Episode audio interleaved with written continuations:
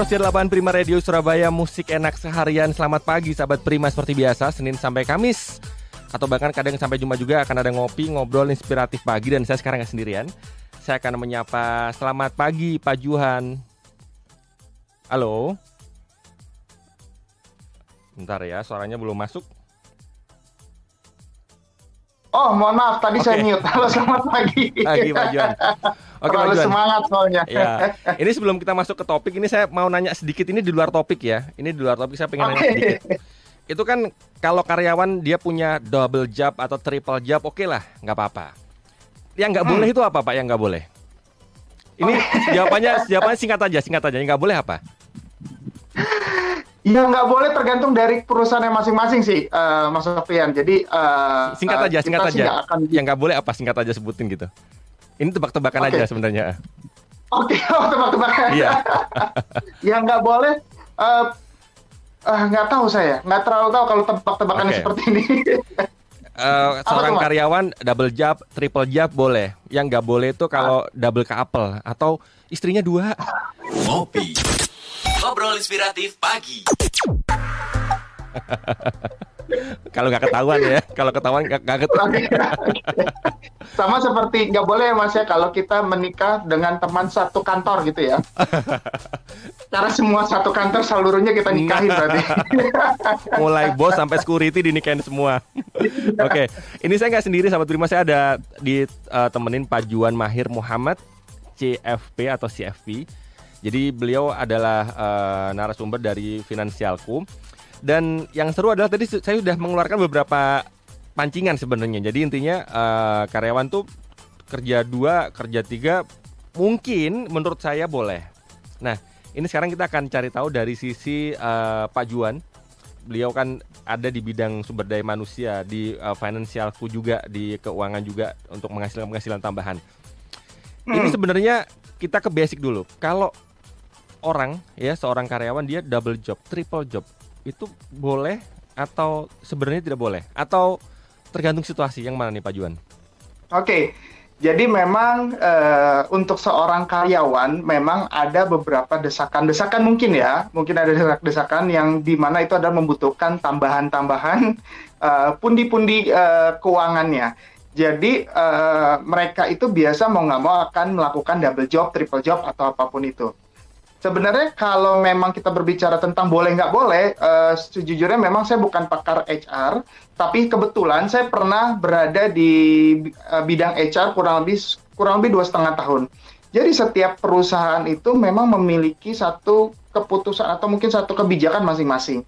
Kalau misalkan mereka dibilang boleh, bolehnya sejauh mana? Ataukah apakah memang harus dilaporkan kepada pihak HRD atau tidak? Atau mungkin benar-benar strict nggak boleh? Itu ada juga yang seperti itu. Jadi sebenarnya kalau dibilang boleh atau enggak itu tergantung uh, Mas Sofian. Jadi tergantung dari kondisi perusahaan tersebut, kebijakannya. Ataupun juga misalkan uh, menjadi tidak boleh kalau ternyata mengganggu main job-nya. Karena kan di main job itu kan kita ada kontrak, kita ada perjanjian dan itu kalau kita langgar atau kita tidak mendahulukan main job kita yang memang sudah ada hitam di atas putih berarti kita one prestasi melanggar perjanjian kita dan itu ada pasti ada sanksinya dan pasti setiap perusahaan itu punya kebijakan masing-masing gitu okay. kurang lebih Mas Jadi oleh Pak Juan ini adalah tergantung sama perusahaan kontrak di awal seperti apa. Tapi dari Pak Juan sendiri dari pandangan seorang ini tadi dari sisi perusahaan ya. Kalau sekarang dari sisi seorang karyawan nih pekerjaan sambilan lah istilahnya kita bilang pekerjaan sambilan lah. Kalau hmm. pekerjaan dua tiga rasanya kok sama-sama main job semua tapi ada lebih dari satu. Tapi kalau pekerjaan sambilan dari sisi seorang karyawan misalnya, itu gimana sih Pak Juan sebenarnya? Oke, okay. sebenarnya gini, uh, Mas Sofian, ini saya pertama kali saya bekerja sebagai seorang karyawan itu tahun 2008. Dan di tahun 2008 itu, itu saya sudah punya side job. Jadi saya sudah punya set job, bahkan sebelum saya masuk ke kantor pun saya juga sudah punya job yang memang mungkin orang bilang itu menjadi side job. Uh, seperti saya adalah beberapa, uh, saya punya semacam event organizer sendiri, saya punya uh, manajemen artis sendiri dan lain-lain. Jadi sambil bekerja, saya juga sambil menjalankan side job saya. Akhirnya saya akhirnya menjadi sampingan karena saya sudah bekerja waktu pada saat di, di 2008. Nah, memang ada beberapa waktu pada saat itu saya mengerjakan itu memang hanya karena saya senang. Hanya karena saya passion saya, kekurangan nggak? Nggak, nggak kekurangan. Secara income saya tidak kekurangan. Nah, tapi ada saya waktu di satu saat di tahun 2015, saya menjalankan side job atau bisnis sampingan itu karena saya butuh gitu okay. karena saya butuh. Jadi karena saya membutuhkan uh, adalah kebutuhan-kebutuhan rumah tangga yang harus dipenuhi lebih sehingga mau nggak mau saya harus melakukan ter, uh, eh, hal tersebut. Entah waktu itu saya ada jualan entah saya waktu itu saya ikut sama uh, mantan bos saya termasuk mentor saya untuk saya bantuin proyeknya dia dan lain-lain dan lain-lain. Jadi kalau kita melihat dari sisi karyawan tergantung dari kebutuhannya dia apakah memang dia hanya ingin mengejar passion atau mungkin ya ya udah deh waktu luang atau mungkin ada juga yang saya di kantor mungkin benar-benar 9 to 5 nih. Hmm. Tapi setelah itu saya bingung mau ngapain. Mungkin karena masih muda, adrenalinnya cukup tinggi sehingga saya pengen do something or mungkin di kantor saya ini sesuatu hal yang ingin saya ekspresikan itu tidak tercapai. Saya mau mengekspresikan di luar gitu. Jadi setiap orang, setiap karyawan itu uh, punya tujuan kenapa sih dia harus memiliki side job.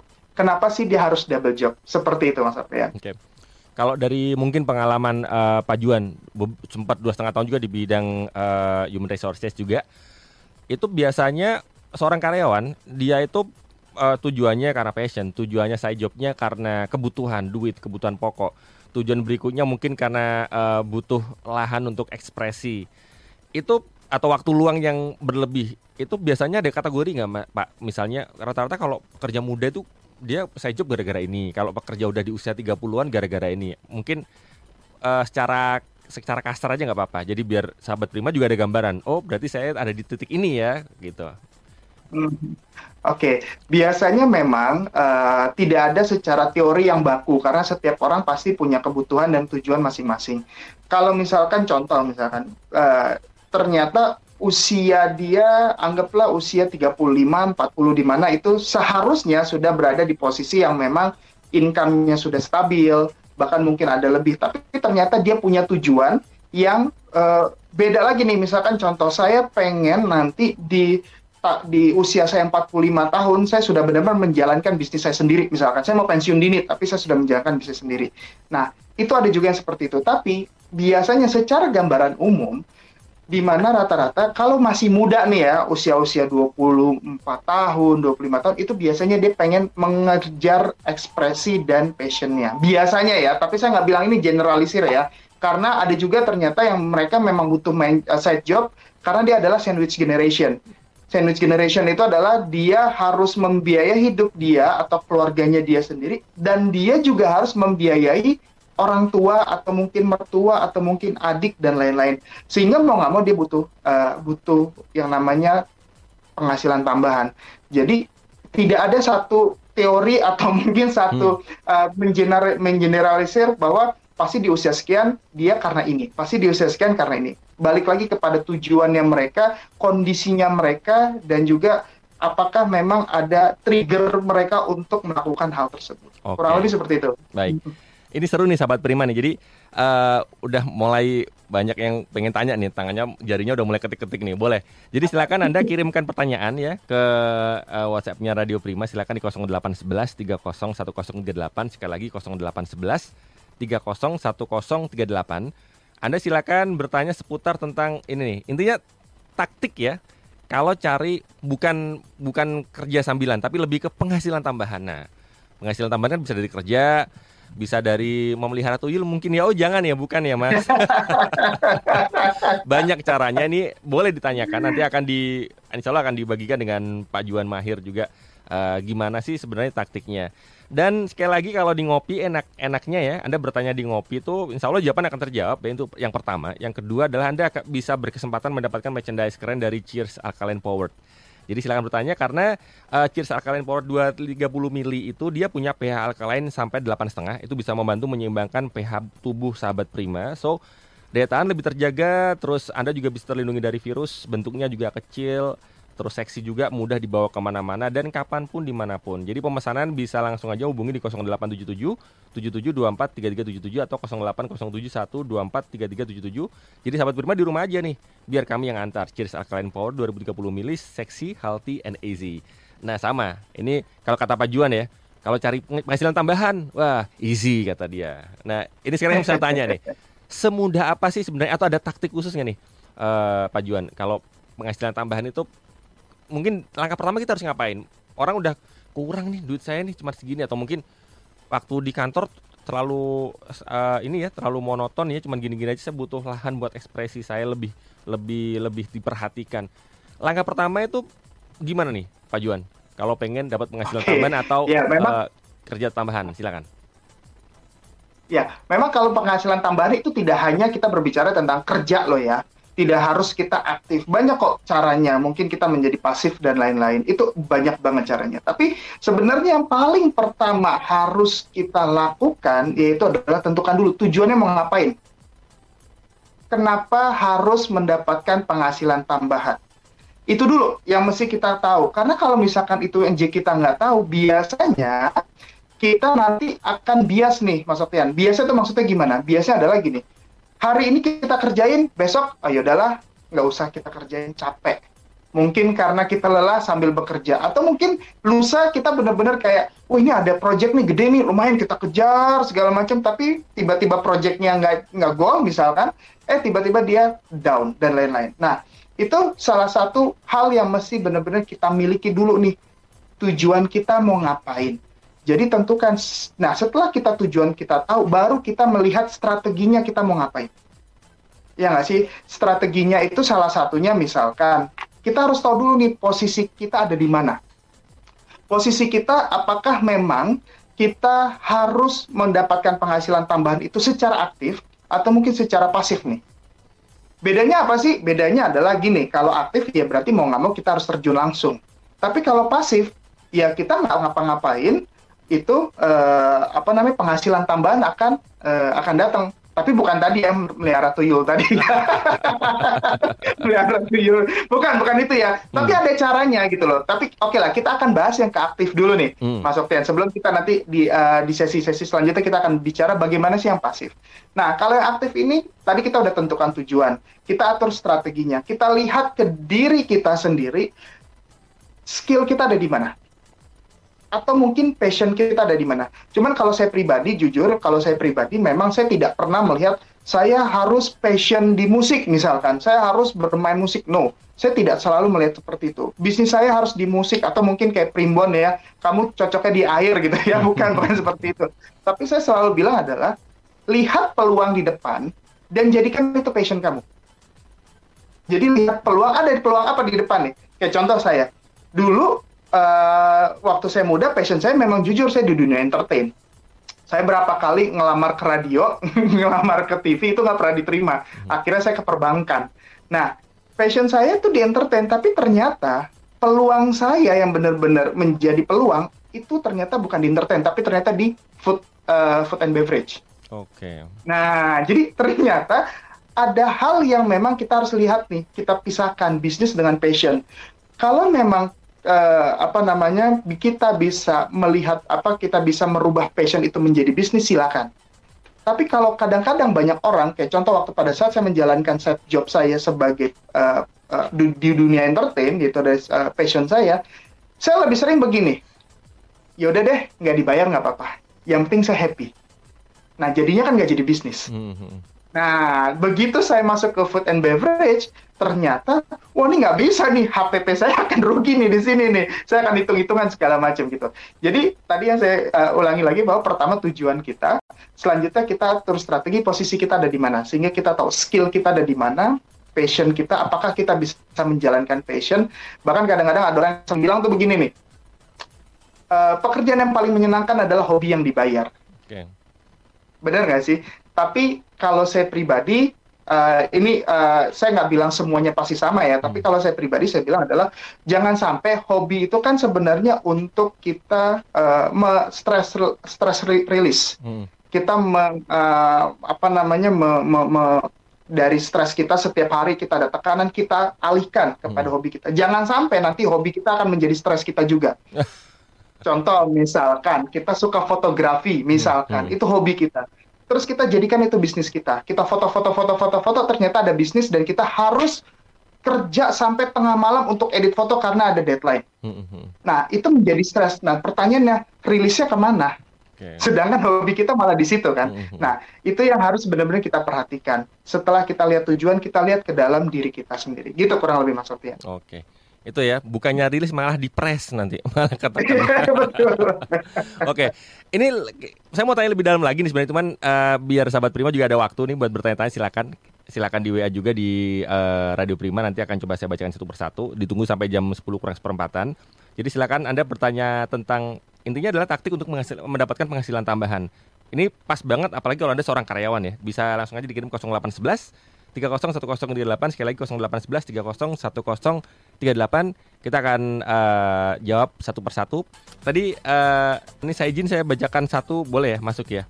Boleh, boleh. Oke. Dari Pak Batiar, selamat pagi Pak. Dia bilang saya termasuk orang yang bahkan bukan double triple tapi saya for job kata dia, empat pekerjaan. Cuma dia nggak jelasin pekerjaannya apa.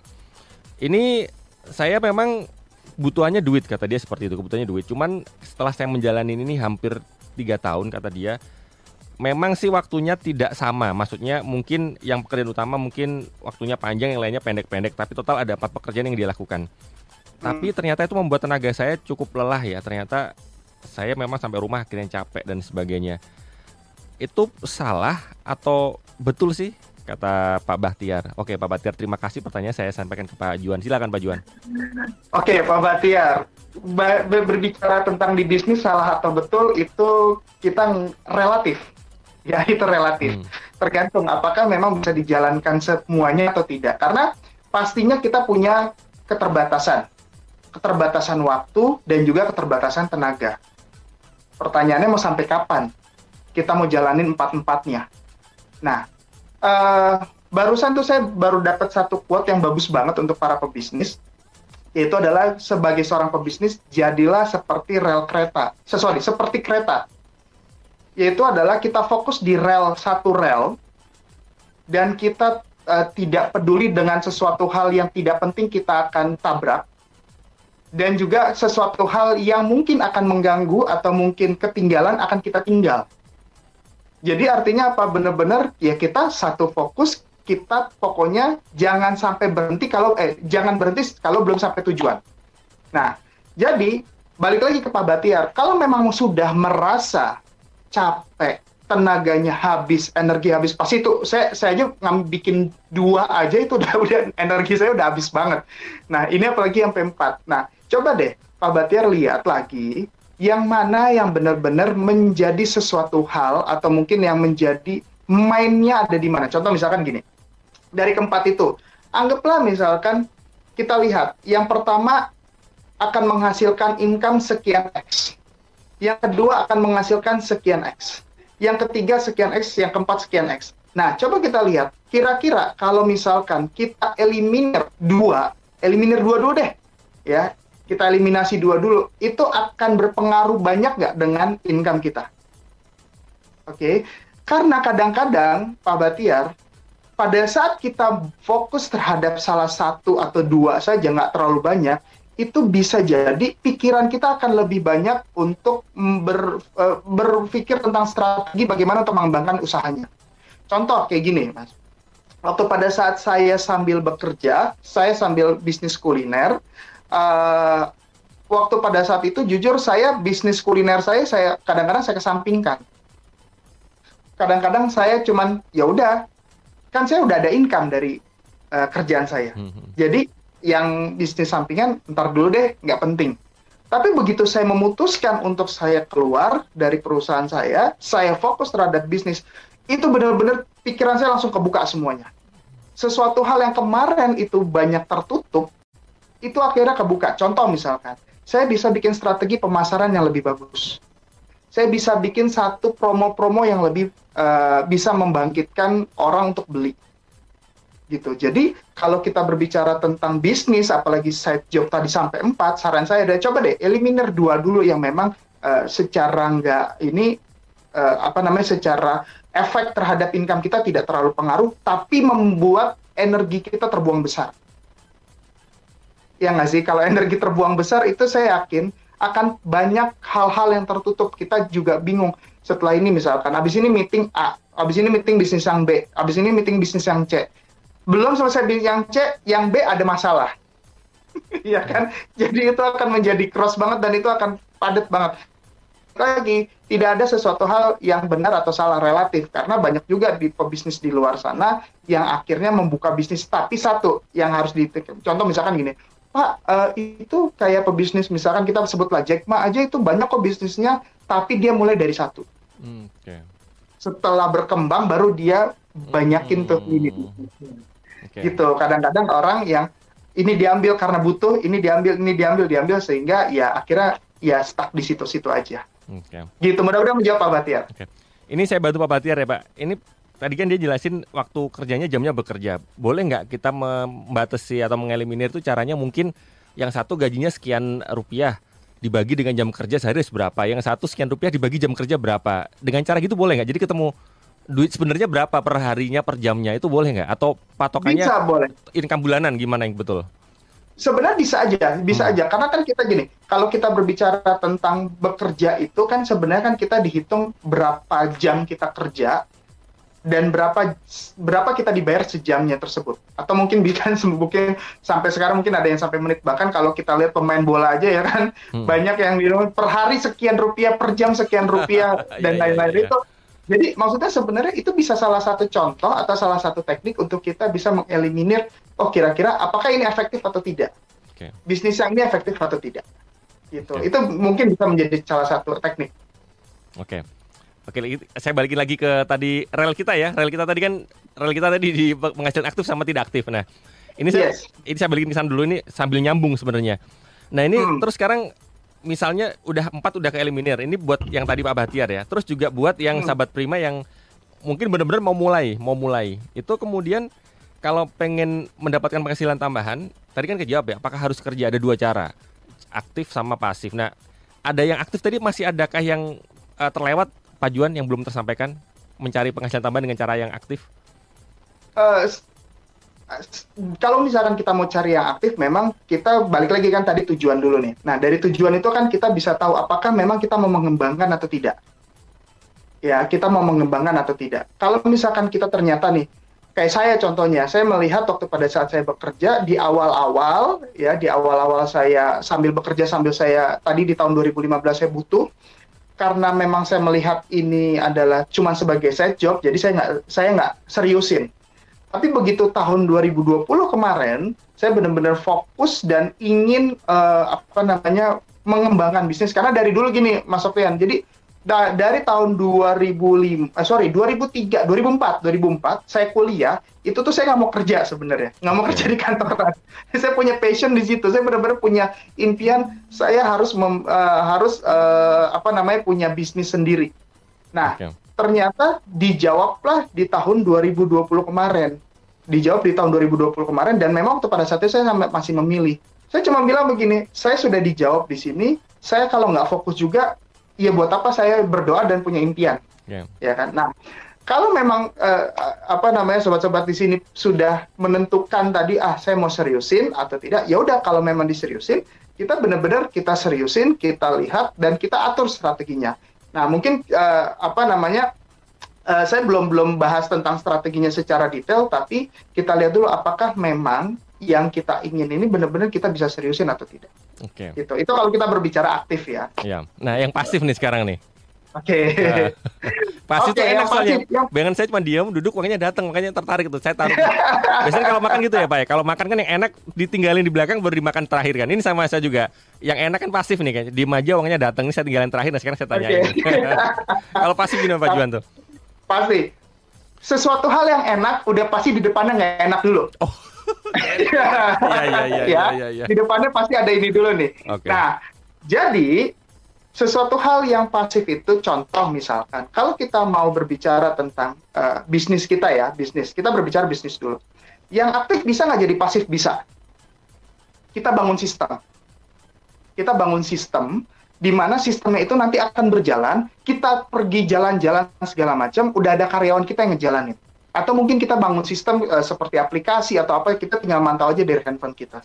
Itu bisa dibilang tiba-tiba, misalkan contoh, uh, kayak saya, alhamdulillah, saya kerja di sini, saya berada di daerah yang mungkin tidak bar, bar, apa namanya tempat bisnis kuliner saya, tapi di sana tetap jalan dan setiap hari ada laporan sekian ya Pak masuk. Nah itu bisa dibilang pasif juga. Tapi awalnya saya harus ngebangun dulu nih. Karyawannya harus saya didik, karyawannya harus saya doktrin dulu. Kenapa kamu harus bekerja seperti ini dan lain-lain dan lain. Itu capek, capek. Tapi uh, tapi nantinya akan nikmat. Nah ada lagi cara yang kedua adalah memang dari awal nih kita pasif. Yang nggak enaknya apa? Pastinya kita harus punya duit banyak Mas Sofian. Oke. Okay. Harusnya pasti kita punya dana itu sebagai apa? Saya sih selalu bilang adalah ini mungkin uh, yang paling uh, ngetren ya disebut investor. Kan kalau kita mau bilang kita punya satu uh, income tambahan, kita bisa nggak jadi investor? Bisa. Investor tuh di bidang apa? Banyak banget sekarang. Mau di bidang bisnis pun bisa. Contoh misalkan, sekarang udah banyak crowdfunding, sudah banyak P2P lending. Atau mungkin, aduh saya nggak percaya sama gitu-gituan. Oke, coba lihat deh, kamu sekalian bantu teman, ya, bantu-bantu teman, ada orang yang mungkin dia kemarin kena PHK, dia mau bisnis tapi nggak ada dana, kamu punya dana, kenapa nggak coba bantu dia, kamu jadi investor di situ. Pasif nggak? Pasif. Okay. Atau mungkin sekaligus langsung ke saham. Pasif nggak? Ya pasif. Kenapa? Karena nanti setiap tahun kita dapat dividen. Tapi balik lagi tadi, ada hal yang itu adalah bukan gak enak ya, tapi ada hal yang harus kita korbankan itu adalah dana lebih gitu. Jadi memang bisa dari kita berinvestasi, kita ber, menjadi investor, entah tadi di crowdfunding, karena sekarang kan udah banyak nih crowdfunding yang yang sudah di uh, diawasi OJK dan itu jujur loh, Mas banyak ada teman saya kemarin itu dia itu uh, sebagai PNS kebetulan dan dia punya dana lebih dan dia main di crowdfunding aja. Dia nggak ngapa-ngapain. Bener-bener dia nggak ngapa-ngapain dia diem aja setiap hari SMS mas. SMS lagi kan zaman dulu banget SMS WhatsApp masuk untuk laporan. Penghasilan ini sekian sekian sekian sekian berapa. Dan itu mulai dari 5 juta aja ada loh bahkan sekarang ada yang di bawah satu juta pun juga ada cuman tergantung dari kitanya nah itu salah satu kita untuk bisa mendapatkan pasif. Ya aktif bisa nggak jadi pasif? Bisa. Kalau mau dari awal pasif bisa, tapi kita punya dana lebih atau enggak. Atau mungkin kita lihat ada teman kita yang tadi saya bilang kita bantu deh. Uh, saya punya dana lebih, dia mau buka usaha warung, kan sebenarnya kayak saham juga jatuhnya. Hmm, hmm. Saya punya saham di warungnya dia, hmm. tapi setiap hari kita juga bisa pantau. Okay. Gitu. Jadi sebenarnya aktif dan pasif itu tergantung kita mau dari mana awalnya. Gitu maksudnya. Oke, nah Udah mulai kepilih ya sahabat Prima ya. Ini Anda mau jalan yang aktif atau yang pasif. Tapi intinya sama. Apa pun itu awalnya nggak enak dulu ya. Jangan dipikir pasif duitnya datang sendiri kayak melihara tuyul. Bukan. Awalnya juga susah ternyata. Apalagi yang lagi, lagi viral sekarang ya. nah tadi udah dikasih tahu nih ada pekerjaan aktif, ada pekerjaan pasif. Tapi sama-sama. Depannya tuh sakit di awal. Harus ada usaha yang keras.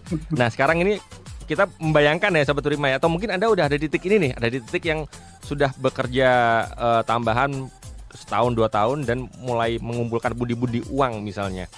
Itu nah gimana cara mengelolanya nih kalau uang sudah didapat, ngelolanya gimana yang bener jangan sampai terus euforia uangnya habis nggak tahu ke mana. Ada ada tips nggak nih Pak Juan silakan. Oke, memang kadang-kadang banyak orang yang pada saat sambil bekerja itu pada saat mengelola keuangan usahanya atau sampingannya ini itu kadang-kadang suka lupa untuk dipisah nih Mas Sofian nih. Dipisah tuh dalam arti apa? Cash flow-nya dipisah, rekeningnya dipisah, pengeluarannya juga dipisah. Jadi jangan digabung. Kenapa? Karena kalau digabung, saya awal-awal, nih, nih sambil pengalaman, saya awal-awal waktu pada saat saya masih gabung semuanya, itu saya ngasal ngambil, mas. Jadi contoh misalkan uh, di dalam uh, di dalam satu rekening itu akhirnya saya ngambil aja nih ah ini untuk belanja beras misalkan ada di dalam satu rekening itu adalah sebenarnya adalah uang untuk mungkin beli bahan baku besok jadi saya belanjain beras buat saya konsumsi begitu buat belanja besok loh kok duitnya mana ya kok jadi berkurang ya banyak ya nah jadi ternyata itu itu kesalahan yang memang sering dan banyak orang lakukan. Jadi nggak dipisah. Kenapa? Karena mungkin males sekali. Mungkin uh, bukan males dalam arti uh, males yang benar-benar males, tapi maksudnya adalah mungkin bingung. Lebih karena bingung. Ya? Iya ribet ya. Nih misalnya gimana ya? Memang itu dia saya bilang tadi ya. Mungkin Mas Oktian juga sudah highlights bahwa di depannya udah pasti kita akan berjuang di depannya pas udah pasti kita akan uh, melakukan sesuatu do extra miles. Orang kita mau dapat uh, ekstra tambahan uh, ekstra penghasilan masa kita nggak mau extra miles sih untuk uh, lakukan sesuatu? Pastinya kita harus melakukan sesuatu yang lebih. Yaitu dia. Jadi malam-malam kadang-kadang nih waktu dulu saya masih bekerja malam-malam itu saya buat pembukuan. Orang pada tidur saya buat pembukuan mas. Orang pada tidur orang, orang saya buat pembukuan segala macam. Capek capek. Uh, setelah itu itu yang pertama, harus dipisah dulu nih secara rekening tabungan, secara cash flow dan juga pengeluaran.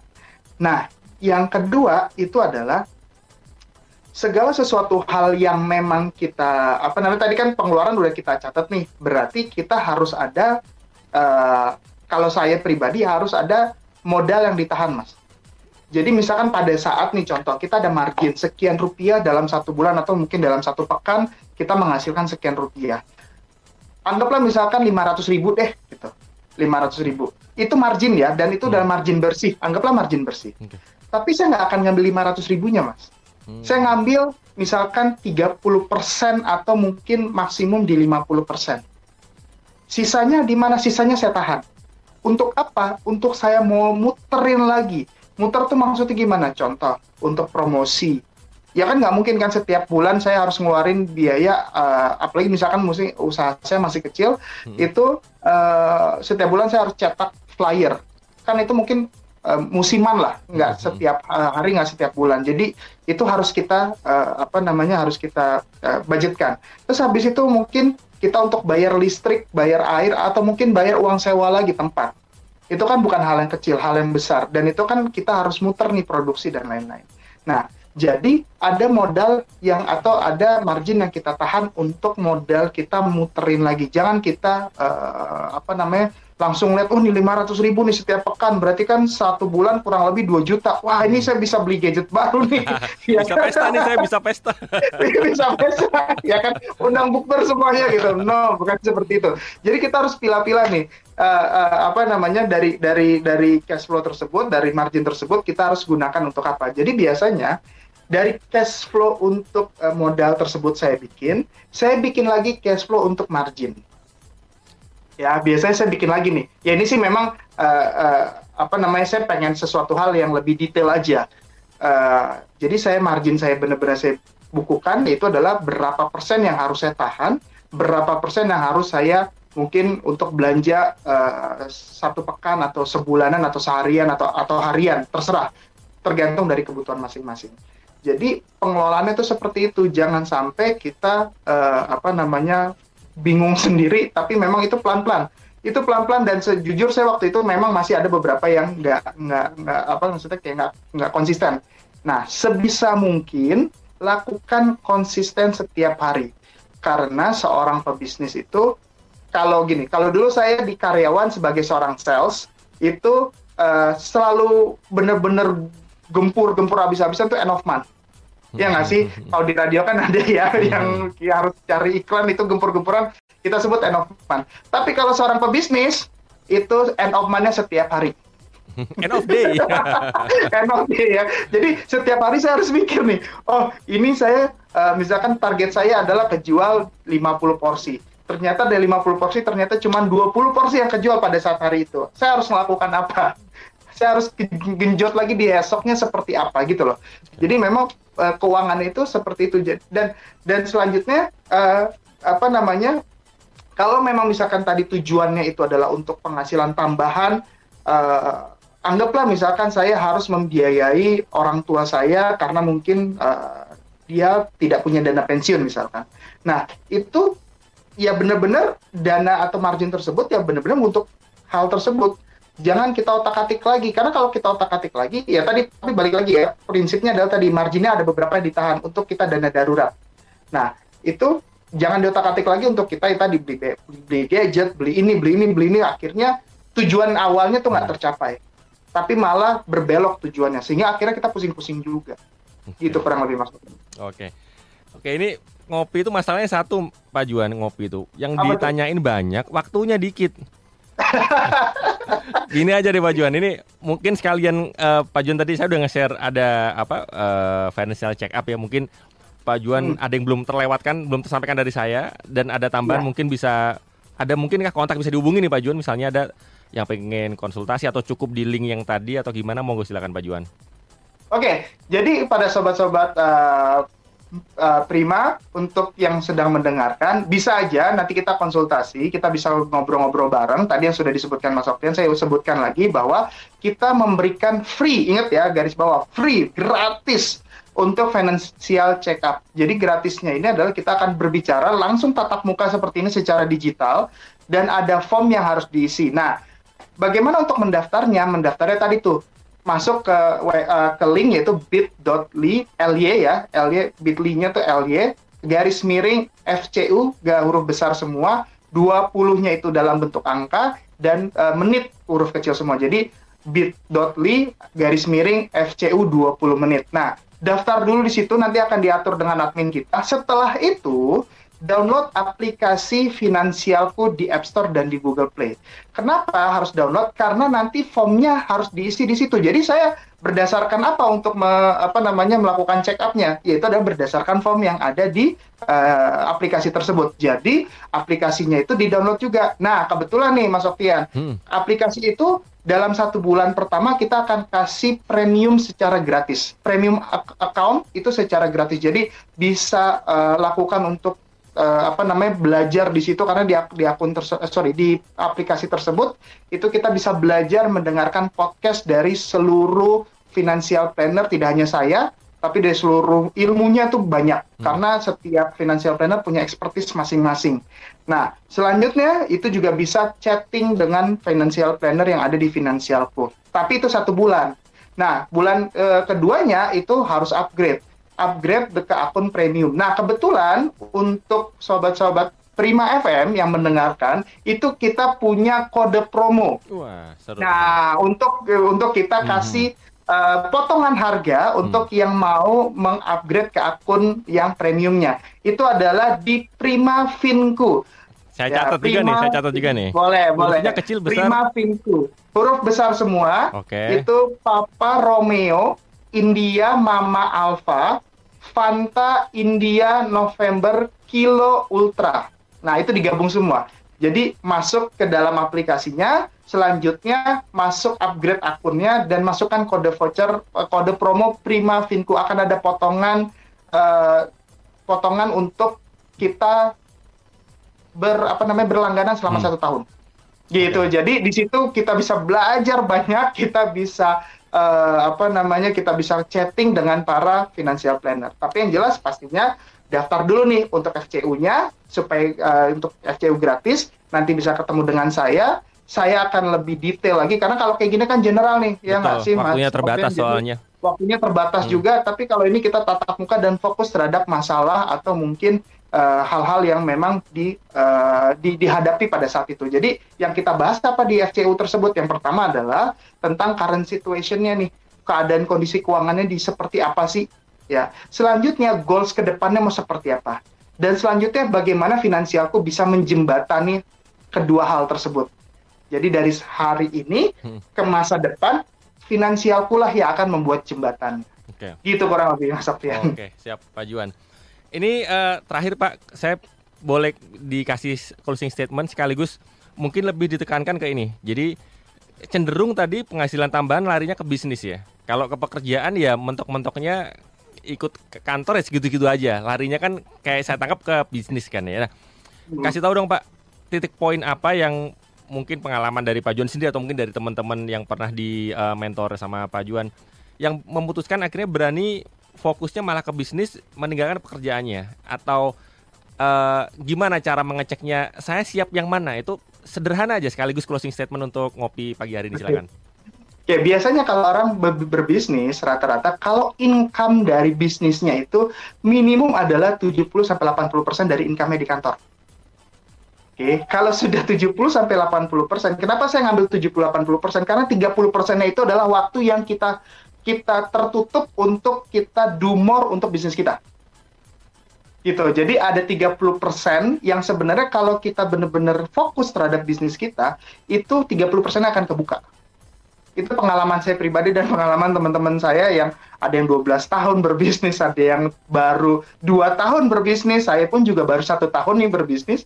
Tapi itu yang saya yang saya pelajari. Kalau misalkan memang income bisnis kita uh, sudah 70%, 80%, dan kita lihat wah ini memang menjanjikan nih, ya udah kenapa enggak? Ya enggak sih? Tapi balik lagi lihat kepada kondisi dan juga yakinkan diri kita sendiri dan yakinkan pasangan kita. Okay. Karena mau nggak mau pastinya pasangan kita punya andil untuk membuat memberikan satu gambaran terhadap apa yang akan kita lakukan. Jangan sampai dilupain ya itu ya. Saya sendiri pun juga itu pun juga alhamdulillah uh, waktu pada saat saya memutuskan untuk terjun full di dunia bisnis ini saya udah konsultasi dengan pasangan saya, saya juga konsultasi dengan, oh ya jangan lupa konsultasi dengan orang tua. Okay. Nah, minta restu orang tua. Kenapa? Karena saya pribadi sudah merasakan kalau orang tua sudah merestui, insya Allah tuh jalannya tuh ada aja jalannya. Okay. Ada aja jalannya. Minta restu orang tua tuh jangan lupa.